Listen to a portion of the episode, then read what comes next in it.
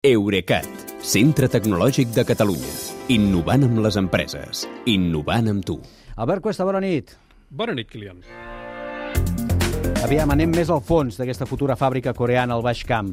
Què són aquestes làmines de coure que s'hi fabricaran, Albert? Doncs són un dels elements bàsics per fabricar bateries recarregables d'ions de liti per vehicles elèctrics. En concret, aquesta làmina de coure es fa servir com un dels dos elèctrodes, mentre que l'altra sol ser de làmina, però d'alumini.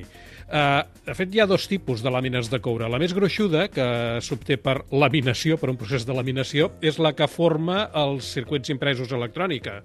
En canvi, en aquest cas, parlem de la que s'aconsegueix per electròlisi, que és molt més prima, només unes micres de gruix.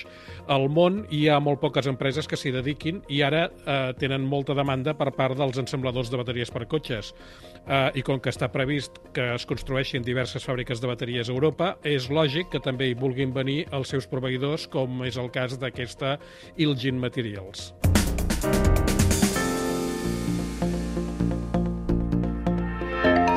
Com valores tu que, que això ho toques, eh? que aquesta empresa coreana s'instal·li aquí? El govern parla de la inversió industrial a Catalunya més important de les últimes dècades. Uh, són 500 llocs de treball industrials i a mi em semblen sempre una bona notícia. I si a sobre són fora de l'àrea metropolitana de Barcelona, encara més. Uh, trobo lògic que el govern tregui pit perquè encara deuen tenir clavada l'espina d'haver perdut en favor de segon la planta de bateries de Volkswagen.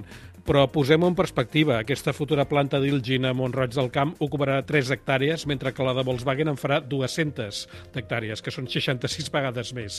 Uh, però, per altra banda, la inversió prevista allà són 3.000 milions, només 5 cops més, més que la d'Ilgin aquí, i la plantilla de segon només multiplicarà per 6 la de Montroig.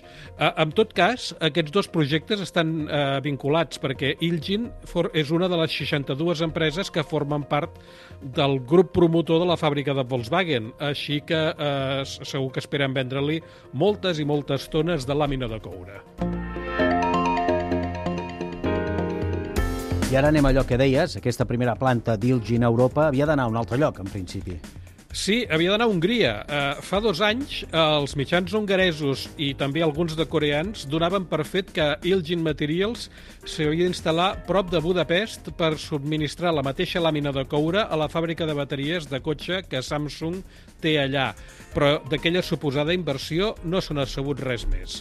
Sembla que la del Baix Camp, la que parlem avui, està més ben lligada, ni que sigui perquè les administracions implicades li deuen haver posat molt més fàcil a Ilgin Materials. I tant tant de bo, perquè Catalunya té un cert historial de fiascos amb els projectes d'implantació d'empreses eh, asiàtiques d'automoció, amb governs de tots els colors, a més a més. El 2010 havia de venir Cherry, un any després ho havia de fer Brilliance i el 2017 semblava que Thunder Power era a punt de muntar cotxes entre Igualada i Castellolí, però tot allò també va quedar en res. Potser la diferència és d'allà on venen aquestes empreses, perquè aquestes tres eren xineses, aquestes són coreanes, igual hi ha diferències. Tant de bo sigui més formal, si més no esperem-ho. Molt bé, Albert, moltes gràcies i una abraçada. Bona nit, Kilian, fins demà. Eurecat, centre tecnològic de Catalunya. Innovant amb les empreses. Innovant amb tu.